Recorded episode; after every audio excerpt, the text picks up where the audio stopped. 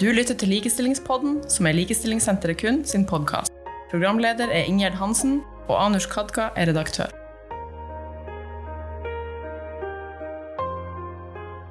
Og det er kun du sjøl som veit hvem du er. Og det er i topplokket, i kommandosentralen mellom ørene, det foregår. Det er der du vet hvem du er. Og for de fleste så stemmer det jo med det de reproduktive systemene de har mellom beina, men ikke for alle. Tenk deg at du ser ut som kvinne, du kjenner deg som kvinne, men i passet ditt så står det at du er mann. Og for å få pass som kvinne, så krever myndighetene at du må kastrere deg. Dette var situasjonen for mange transpersoner i Norge fram til 2016. Tema for dagens episode av Likestillingspodden er kampen for å få endra juridisk kjønn.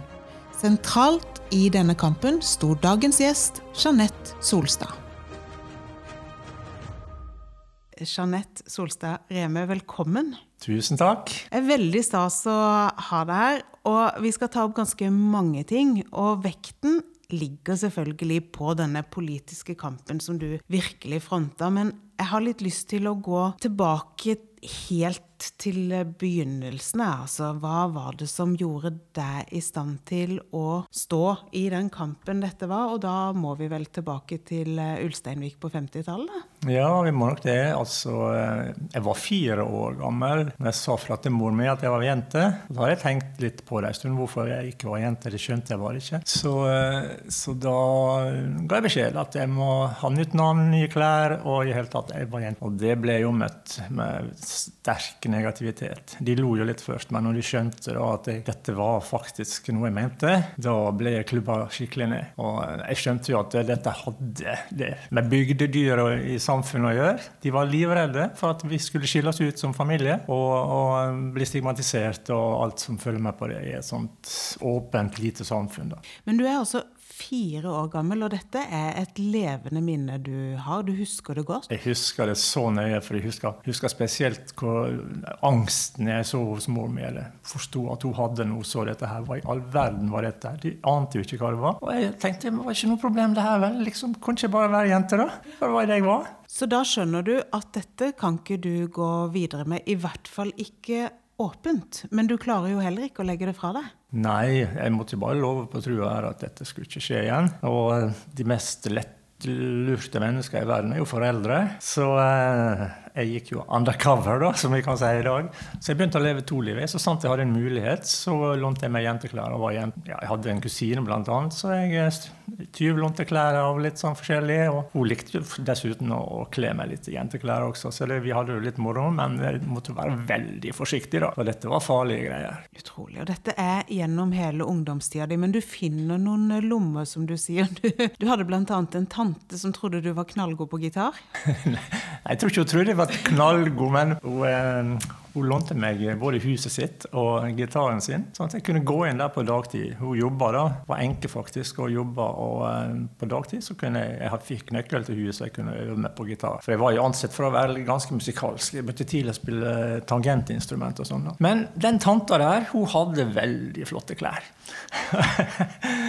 så eh, etter hvert så jeg ble ja, kan man si 10-11-12 år. og kunne bruke klærne. Og, og det var jo fantastisk. Så jeg hadde mange ja, ålreite stunder for meg sjøl der. Så jeg tenkte at ja, ja, det er sånn jeg må holde på resten av livet. og ikke holde meg skjult. Blant annet eh, når jeg var ti år, så, så da, da, skjønte jeg at jeg hadde lest at det var noe som heter transvestitisme. Eller transvestitt. Og da gikk jeg inn i leksikonet og fant ut at eh, det var en sykelig trang til å iføre seg det motsatte kjønnsklær. Og da sa jeg til meg sjøl dette godtar jeg bare ikke. Jeg er ikke syk. Jeg er, ikke, jeg er frisk som, som, bare det. Godtok det aldri. Dette er en ganske sterk historie. Altså, du, er, du er fremdeles et barn, og du leser at du er syk, og så har du en eller annen styrke som sier nei, ikke F. Det er helt riktig. Altså, og da har jeg begynt å lage meg en setning som vi i dag kan kalle et mantra. Som sier at jeg, jeg, er like god som alle de andre, og på mange områder kanskje litt bedre. Og når jeg blir stor, da blir jeg dame. Det var mantra. Det gjentok du for deg sjøl i hodet når ting ble tøft. Når jeg blir stor, da blir jeg dame. Ja, og så Jeg gråt meg jeg gråt meg i søvn ganske ofte og håpte på at det skulle skje et mirakel. At jeg skulle våkne som jente. Men eh, det mirakelet lot vente på seg. da. Jeg kan jo nevne at når jeg var 15, så var jeg ute en kveld. og Da var jeg blitt så stor at da brukte jeg klærne til mor mi. Hun var ute og reiste. Jeg var hjemme alene. Og så gikk jeg ut på natta sånn i eh, ett-to-tida i kvinneklær, i, mor, i mors klær. Og så gikk jeg en tur, og så plutselig kom det noen gutter litt eldre enn meg ut fra en eh, litt fest jeg hadde vært på. Og så lå de da imellom meg og huset. Så jeg Ingen rettrett var ikke mulig, så jeg begynte bare å gå fortere og fortere. Og fortere. Og så kom jeg til et veiskille, og så tenkte jeg at søren, hva velger jeg nå? Jeg visste at noen av de skulle oppover, men jeg var ikke sikker om det var noen som skulle nedover. Så jeg gikk jo ned den bakken. Og så kom det en type bak meg, og han tok meg da igjen. Han var fire-fem år eldre enn meg. Og så uh, 'Hallo, unge dame, har du det travelt, du, da?' liksom. Og så snudde jeg, og så, og så, så han at det var meg, da. Å, faen, det er Jon. Og så var det bare Dra til helvete, sa jeg og løp hjem igjen.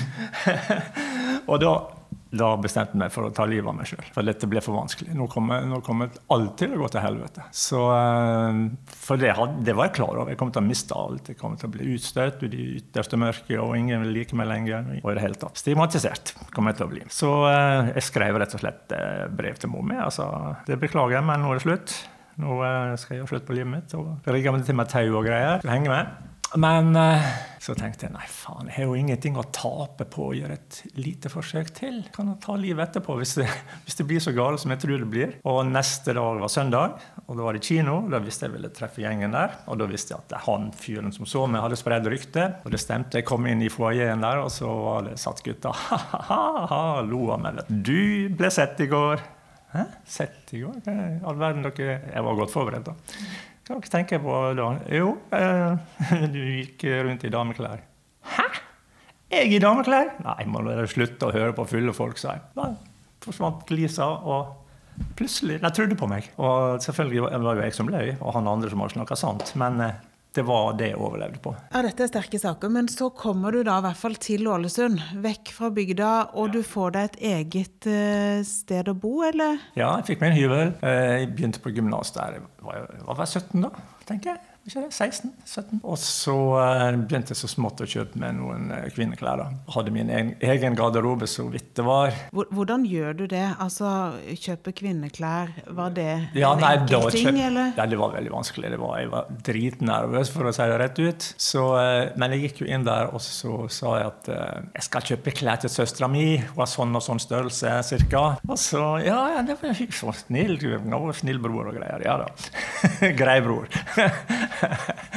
så jeg, kjøpte, jeg, kjøpte, klær, og etter hvert så fikk jeg et antrekk da, så jeg kunne bruke i hvert fall innendørs. Jeg lurte jo meg litt ut på kveldstid der også. Jeg hadde ikke lært av den forrige episoden, tydeligvis, men uh, det, det, gikk greit i Ålesund. Men samtidig så fikk jeg jo meg uh, jentekjæreste, for jeg, eh, jeg, likte jo jenter. da, Å være sammen med jenter. Og da måtte jeg jo justere, finjustere dette her så de ikke oppdaga noe. ikke sant? Så det ble, det ble ganske, ganske ja, det var ikke så kult å være sånn som jeg var, men jeg måtte gjøre det for å overleve. Litt. Ja, for det var jo ikke et alternativ den gang da. Altså, Du hadde jo allerede lest deg fram til at du var definert som mentalt syk. Og stigma rundt trans er én ting, stigma rundt mentalt syk er en annen ting. Så det var jo ikke bare bare å gå ut og si 'hei, her er jeg'. Det var ingen andre som var åpne trans på den tida. Nei, jeg kjente ingen, og jeg hadde ingen eh, forbilde i den forstand. Jeg hadde ingen jeg kunne snakke med, ingen jeg kunne ta det opp med. Så dette var mye greier som jeg måtte bare holde,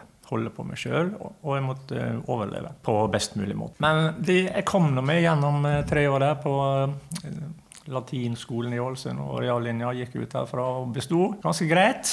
Og så var spørsmålet hva gjør jeg nå? Ikke sant. Og skal du da velge en kunstnerisk retning som gitarist? Skal du bli noe helt annet? Men uh, den veien du velger er jo jeg tenker sånn, Sett helt utenfra litt spesiell, for du velger Forsvaret. Jeg gjør det. Jeg tenkte først eh, psykologi. Og så tenkte jeg men jeg skal jo i militæret, for jeg får innkalling. Jeg hadde vært på sesjonen. Så da tenkte jeg at ja, prøve Sjøkrigsskolen. For jeg har litt peiling på båt. For Familien min drev mye med båt, og sånn, så jeg hadde jo vært mye. mye jeg har vært med faren min, blant annet, som da var sjøkaptein nå. og ja, nei, det var ålreit å holde på med båter og sånn, tenkte jeg. Og så valgte jeg Sjøkrigsskolen. Kom inn, og så kunne jeg slutte etter 15 måneder og være ferdig med førstegangstjenesten, da, hvis jeg ville det. Og så fant jeg meg faktisk ganske bra til rette der, fordi det var jo leina bra opp med skikkelige rutiner. og Det nytta ikke å sluntre unna sånn som jeg drev på med mens jeg gikk på gymnaset. Og det var jo en av grunnene til at jeg bare fortsatte. Jeg trenger litt eh, stramme linjer, men jeg fortsatte jo samtidig med Jeanette, den delen av meg. Ja, for la oss nå spole litt fast forward, som det heter. Du, du, ender jo ikke hvor som helst i Forsvaret heller. Altså, du eh, ender opp som svært høyt sikkerhetsklarert ubåtkaptein. Eh, og for eventuelt litt yngre lyttere, altså nå er vi på 70-tallet og 80-tallet, og vi snakker høy Det piker, liksom, i den kalde krigen. Eh, vi som bor i Norge, vi er ganske redde for Sovjet. Vi er eh, redde for sovjetiske ubåter. Eh, mitt og midt oppi dette så er du ubåtkaptein, høyt sikkerhetsklarert i Barentshavet, og har liksom med deg Jeanette? Ja, Jeanette ja, hun var med, selvfølgelig. For jeg måtte jo ha med henne overalt. Så da la jeg klærne hennes i safen sammen med Nato, NATO eh, Cosmic Top Secret-dokumenter, som jeg da var Selvfølgelig, de, de var jo bare jeg sjøl som kunne se i. Og klærne mine var bare jeg sjøl som kunne se så de passer godt sammen, de to greiene der. det som jo er helt crazy igjen, det er du er definert som mentalt syk. med topp sikkerhetsklarering. Jeg lurte hele gjengen. Men jeg var jo ikke mentalt syk. da. Jeg var ganske mentalt uh, sterk, heldigvis. Det jeg visste jeg at uh, Ellers hadde jeg vel aldri greid det der, vil jeg tro. Nei, og det er jo det som òg blir et sånn kjempeparadoks. Fra du forteller om fireåringen, mantra til 15-åringen, han som går og møter gjengen. Det er jo mentalt råsterkt, det du holder på med. Og òg da at du på en liten, trang ubåt klarer å finne litt rom til å puste og ikke miste deg sjøl helt, men klare å ivareta deg sjøl. Men jeg kunne ikke kle om om bord der. For kle om, som vi sier da. Jeg kunne ikke kle meg om til kvinne der. Eller forsøke å være kvinne. Men jeg tror nok jeg brukte en del av mine kvinnelige, eller feminine egenskaper som leder. da, Som ledertype. Fikk i hvert fall eh, veldig gode forhold eh, på de fartøyene som jeg var sjef for. Så kanskje det pipla litt ut den veien òg. Men eh, i helgene når det var mulig å ta inn på hotell, så gjorde jeg det. Og så kledde jeg meg om og på med kjole, hele sko og hele pakka. Og kosa meg med litt vin. Det var jo litt stusslig, da, selvfølgelig. Men eh, det var måten min å overleve på, rett og slett. For det hele tatt å ikke miste helt kontakten med meg sjøl. Miste meg sjøl helt.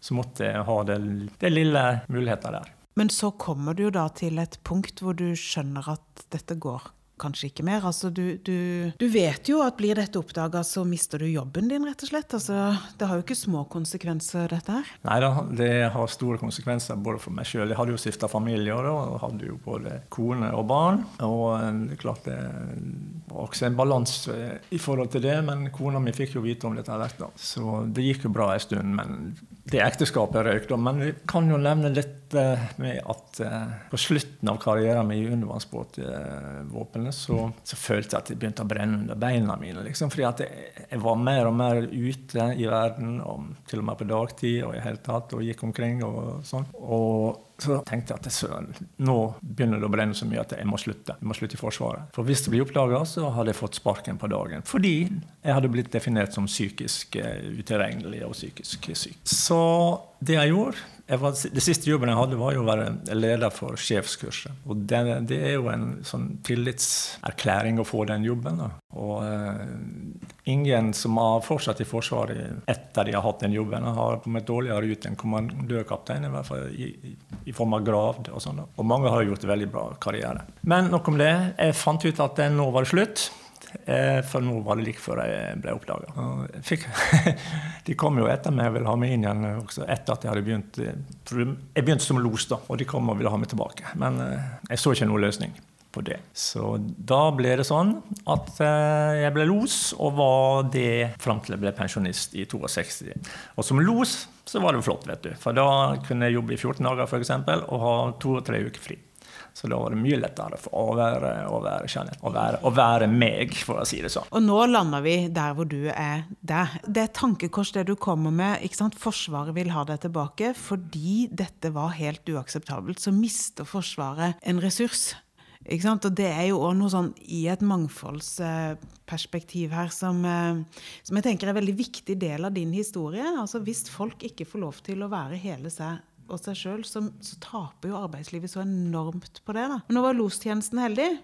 Så vi får jo være glad for det. Og så er det jo flere av oss som er heldige nå. Fordi eh, når du da er ute av Forsvaret, så ser du at nå kan du begynne å engasjere deg litt, og det gjør du. Du finner en forening som du går inn i, og her begynner jo det politiske arbeidet ditt. Ja, så smått. Så vi var jo veldig forsiktige til å begynne med. I en forening som den gang het eh, Freedom of Personality Expression. Eh, Og da var det om å gjøre å holde det skjult. Og vi møttes på hemmelige steder, og vi kosa oss på et hotell i Sverige blant annet. Og ja, hadde noen sånne weekend der, og den slags. Og så hadde vi jo et eh, etter hvert så traff jeg jo flere der, og det ble jo en form for sosialisering og sosialt liv med de folka der. Men vi møttes jo også ofte som, eh, som menn, da, i, i mannsuttrykk. For vi var litt redde for å gå ut. Men vi ble mer og mer modige, hele gjengen. Og i, i 2005, da sa jeg at nå er det nok.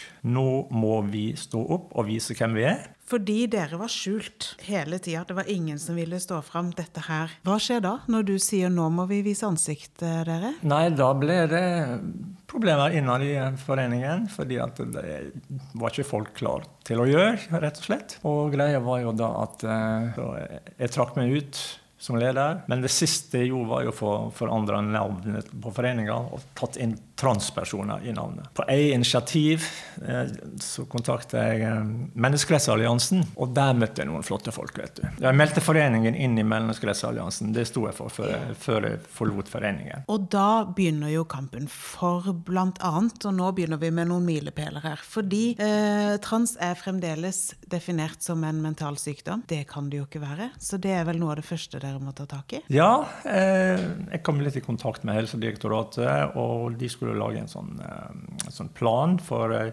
LHBT-plan. Og det ble hanka inn Oi, det var en T der òg. Ja, ja vel. Så fant de meg, da, og så var jeg litt med på den prosedyren der. Vi kom litt seint inn, men vi var jo med for første gang i et offentlig system. Og etter fem år, så Det var i 2010, så ble dette med psykisk lidelse for trans og trans, transvestitt og transvestitisme. Da ble det oppheva. Og da tenkte jeg OK, it's now or never. Jeg tok den Elvis-låta vet du, for meg sjøl, og så heiv jeg meg utpå. Musiker, vet du. En gang bandmedlem, ja.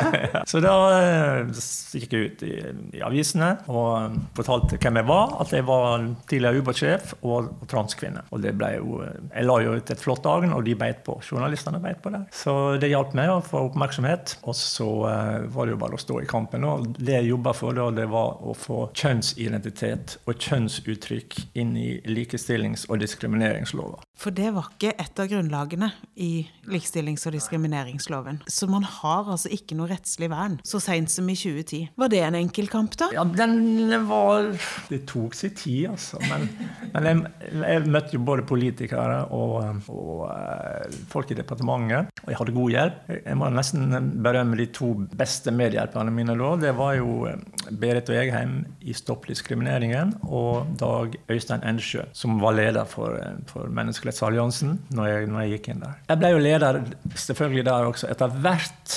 Jeg vil tro det var i 2012-2013, rundt om der i hvert fall. Og så var det jo denne kampen da også, få de to diskrimineringsgrunnlagene, kjønnsidentitet og kjønnsuttrykk, inn i, i, i, lovteksten. Jeg tenker Du har stått i hardere vær enn dette før, så dette ble jo krona med seier. I 2014 så lyktes dere. Mm. Men jeg hadde litt problemer med å få dem til å forstå at kjønnsuttrykk var viktig å få med. Ja, hvorfor det? Altså For kjønnsidentitet, den kjøpte de.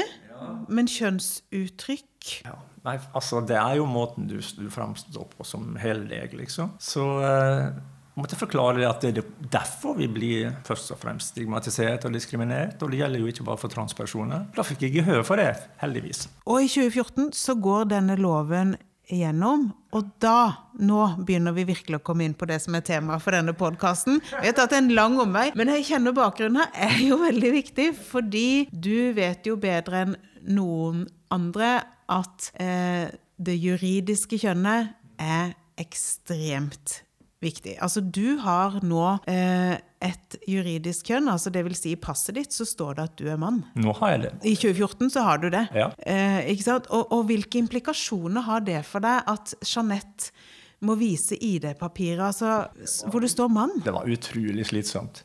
Altså, du vet jo det at skal du på posten og hente en pakke, så skal du vise legg. sant? Skal du ut og reise, så skal du vise passet ditt. Skal du inn på et hotell, så Altså, det er veldig mye. Skal til legen og hele pakka. Så det endte jo med en gang så var jeg, ble jeg beskyldt for å vise falsk legitimasjon. For jeg, jeg gikk jo i, i kvinnetøy og i kvinneklær. Og i hele tatt så mer ut som en kvinne som en mann, i hvert fall. Og da tenkte jeg at eh, Herregud, dette her blir jo umulig å leve videre med. Og Amnesty International har jo sagt at dette her er Ja, umenneskelig behandling. behandling. Ja, ja. Rett og slett innenfor menneskerettighetene. Eh, For det er jo én mulighet du har, og, og på penspråket så heter vel eh, dette at du kan få hormonbehandling, men, men du har jo sagt gjentatte ganger jeg måtte kastrere meg hvis jeg ville bli mann. ja, det var kravet, det. Ja. For eh, 2016. Ja, Og det er jo det som Amnesty kaller tortur. Ja, det er helt riktig. Ja, Så da vet du dette i 2014, eh, og du gjør det genitrekket at uh, du tenker ja, men nå har vi jo fått en uh, lov som skal forby diskriminering, så du sender et brev til regjeringen. Jeg, jeg tok først en møte med en jurist som heter Lene Løvdahl. og Jeg inviterte henne på lunsj på en kafé oppå ja, samme hvor det var. Men i hvert fall hadde en god prat med henne. Jeg hadde kjent henne en stund, faktisk. Og så, ja, nå skal du høre. Jeg tenker faktisk å søke rett til regjeringa om å få endre mitt juridiske kjønn. Hva du tror du om det? spurte jeg henne. «Eh, Jo, det syns hun var en god idé. Så da heiv jeg meg rundt, og jeg sjekka opp eh, hva tid det brevet ble sendt. Det ble sendt 31. mars i 2014. Og så da henviste jeg til den lova som eh, nettopp var kommet i boks. Ja, der var ikke blekket tørt ennå, omtrent. Nei, nei, nei. nei, nei, nei. Jeg kan jo nevne at den lova gikk jo gjennom eh, enstemmig i, i eh, Stortinget, det at kjønnsidentitet og kjønnsuttrykk skulle inn i, i likestillings- og diskrimineringsloven. Så den var veldig grei å referere til, pluss en del andre ting jeg refererte, menneskerettighetene osv. Og så kom svaret etter en stund, og det var jo avslag. Og jeg var selvfølgelig fullstendig knust. Nei da, jeg visste at svaret var hva svaret ville bli. Jeg var ikke i tvil. Så da rett og slett eh, bare sendte jeg et brev til Likestillings- og diskrimineringsombudet og klaga på avslaget. Og sa at jeg blir diskriminert av den norske regjeringa. Her, her har dere svaret på det. Men hva var begrunnelsen deres? Altså, Var det en lov du brøyt? Var det, var det, hva hva var begrunnelsen for at du ikke kunne endre ID-dokumentene dine? Det var ingen lov, det var en såkalt departemental forvaltningspraksis som de hadde holdt på med fra 60- og 70-tallet. Og det var jo psykiatere og leger som hadde liksom forma dette. Altså. Så rett og slett en praksis som er forma i denne tida som du vokste opp som liten gutt i Ulsteinvik. Som var forma i den tida hvor det var en mental sykdom-definisjon. Den praksisen bruker de nå, etter at likestillingsloven er innført, til å begrunne avslag. Det er Du kan ikke skifte juridisk kjønn.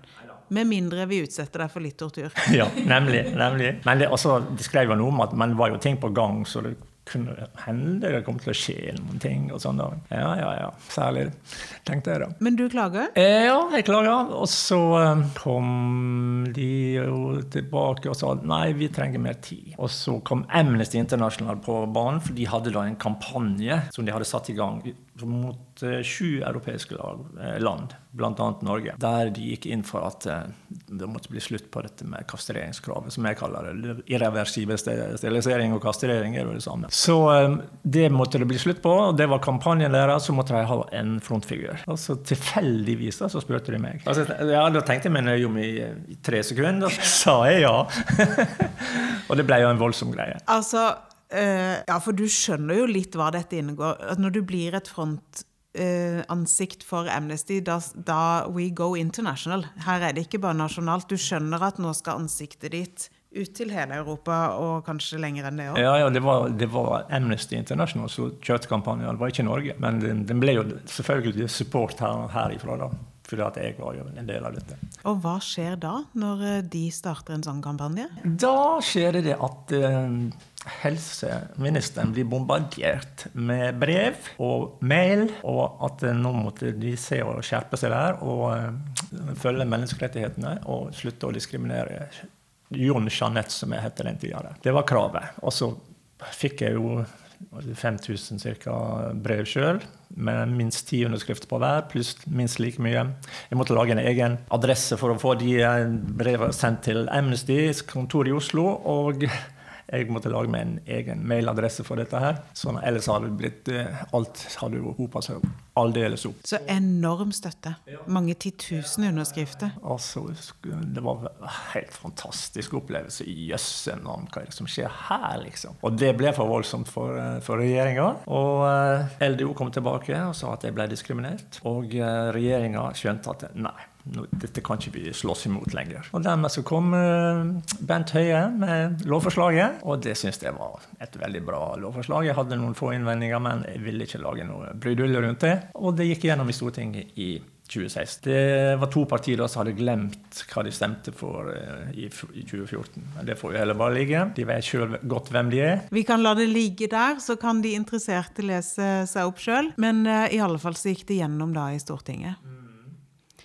Og da har du altså fått på plass en enormt viktig rettighet. Man kan bestemme sitt juridiske kjønn uten kirurgisk inngrep. Ja, og det er kun du sjøl som veit hvem du er. Og det er i topplokket, i kommandosentralen mellom ørene, det foregår. Det er der du vet hvem du er. Og for de fleste så stemmer det jo med det de reproduktive systemene de har mellom beina, men ikke for alle. Og jeg var en av de de ikke stemte for. Og det er faktisk veldig mange, viser det seg. Så jeg har ikke noe sikkert tall på det. Når kampen spissa seg til, så fikk jeg hjelp etter hvert. Som sagt av Amnesty og av eh, organisasjon, andre organisasjoner enn Menneskerettsalliansen også. FRIB, f.eks. Selvfølgelig Forbundet for transpersoner og Skeiv verden og flere. Og bare for å dra sånn historien helt til sluttpunktet nå, så vet vi jo at i 2021 så får endelig òg kjønnsuttrykk og kjønnsidentitet et eget vern i straffeloven. Eh, diskrimineringsvern i straffeloven, og ikke bare i diskrimineringsloven. Ja, jeg, tatt, jeg, tok jo opp det så sant vi hadde mulighet i Menneskerettighetsalliansen at husk straffeloven, det må inn der også. Og, eh, men jeg, jeg var ikke engasjert akkurat når det skjedde rundt eh. Nei, men grunnen var beredt, så det ble jo heller aldri noe kamp, tenker jeg. Altså, det, var, det ble innført og, og veldig stille og, og, rolig, og nesten det eneste som merka det, var vel politiet som måtte opprette en egen knapp i sine registreringssystemer. Så, men en veldig viktig uh, milepæl uansett. Uh, jeg tenker nå denne ungdoms, ungdommen som vandra rundt uh, i Ulsteinvik og hadde sitt mantra 'Når jeg blir stor, skal jeg bli dame'. Altså, det er nesten litt rørende å tenke på. Tenk hvis du kunne gått tilbake til den ungdommen og hviska noen uh, gode ord i øret. Ja, jeg var jo i kampmodus hele tida. Jeg var, var, jo klar til å bli avslørt og måtte gå i kamp, klar til å være i kampmodus. Så det var jo greia mi. Men jeg fikk egentlig aldri trøsta det lille barnet. Så det har jeg tenkt en god del på nå i ettertid. at det, Å nå inn det lille barnet som aldri fikk den hjelpa det trengte. Det har jeg brukt litt tid på. Å, trøste den delen av meg. Men kan du si, når jeg vokste opp og sånn, jeg hadde ikke noe annet valg hvis jeg ville, hvis jeg ville være i livet eller hvis jeg ville fungere i samfunnet, så måtte jeg holde det skjult. Men det du da har gjort, selv om det å trøste det lille barnet kanskje aldri helt fullt ut kan skje, så har du jo et barn sjøl det er jo en fin historie hvordan eh, du fortalte til din eh, sønn hvem du var. Ja da.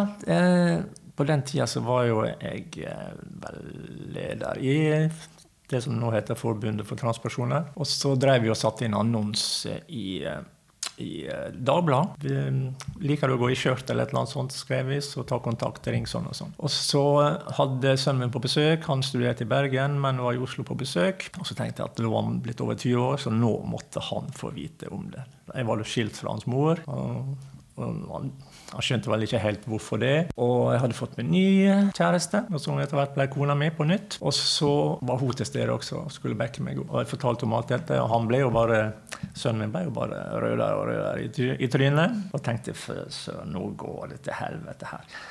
Men det viste seg da at uh, han ble bare helt sånn imponert over sin far. Alt, ah, 'Pappa, alt du har greid', sa han. Han var jo helt lykkelig over at ting falt jo på plass for han. For han hadde jo, det skjedde jo ting som ikke han skjønte noe særlig av. Sånn, plutselig reiste jeg vekk på et, et, eller annet uten å si hvor jeg reiste. Og sånne ting. Og han lurte 'Hvor er pappa?' da? 'Nei, på et møte.' Ja vel. Og så sånn. Så uh, det var mye for han som falt på plass. Og han ble jo bare lykkelig. Han er en av mine aller største støttespillere. Og det er svigerdattera mi òg. Helt fantastisk. Og jeg har jo to barnebarn, to jenter, ti og tolv. De har jo alltid visst at uh, farfar er både mann og dame. Og da kjenner jeg jo at ringen er litt slutta, fordi det du har gjort, er jo å bidra til at de barnebarna lever i et mye rausere samfunn enn det du gjorde. Vennene til disse barnebarna dine har helt andre muligheter enn det barnet og ungdommen i Ulsteinvik. Så da gjenstår det egentlig bare for meg å bifalle din sønn. Vi er mange som har dyp eh, respekt her, og dyp takknemlighet. Så takk, Jeanette, for at din kamp har gjort at vi alle kan leve i et mye rausere samfunn. Du har lytta til en episode av Likestillingspodden fra Likestillingssenteret KUN.